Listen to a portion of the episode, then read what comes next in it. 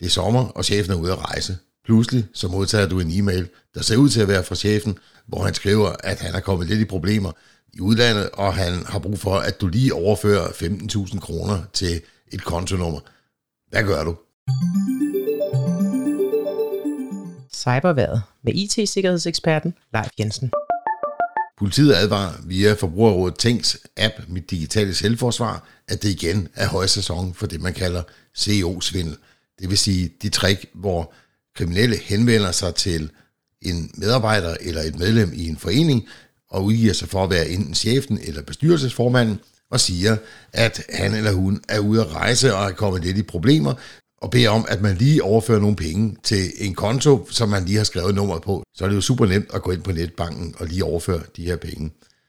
Men i langt de fleste tilfælde, så er det fup og svindel. Og det, som svindlerne gerne vil have dig til, det er at agere hurtigt på lige og hjælpe chefen og sende nogle penge. Men det skal du ikke gøre bare sådan lige umiddelbart.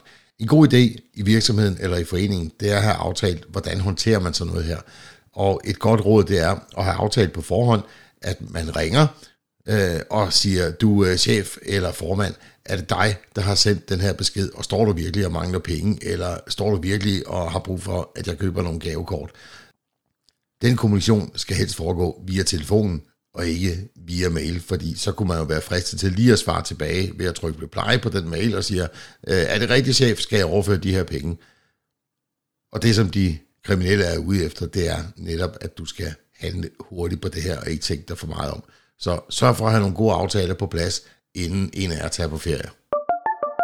Tjenesten Tjekte oplyser via Forbrugerrådet Tænks mit digitale selvforsvar, at danskere for tiden bombarderes med falske reklamer for fedmepiller. Tusindvis af opslag på Facebook anbefaler brugere en slankepille ved navn Prima. I enslydende opslag skriver de, at de har tabt 19 pund på blot 22 dage. Men det hele er et stort fåbnummer. Brugerne er efter alt at dømme blevet hacket, og pillen, der reklameres for, lader ikke til at have nogen som helst effekt på vægten. Billederne i opslagene, der skal vise pillens effekt, er desuden anvendt uden de afbildede personers samtykke, og deres vægttab har intet med slankepillen prima at gøre. Så hvis du ser sådan et opslag, så skal du bare ignorere det. Du skal ikke klikke på noget. Hvis du keder dig lidt her i sommeren, så har jeg en opfordring til dig. Gå ind på hjemmesiden hackerstop.dk. Herinde der kan du teste din egen viden om cybersikkerhed.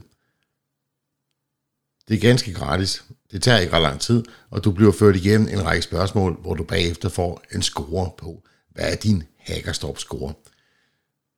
Værktøjet er egentlig udviklet til at blive brugt ude i de små virksomheder, men det kan sagtens bruges af privatpersoner.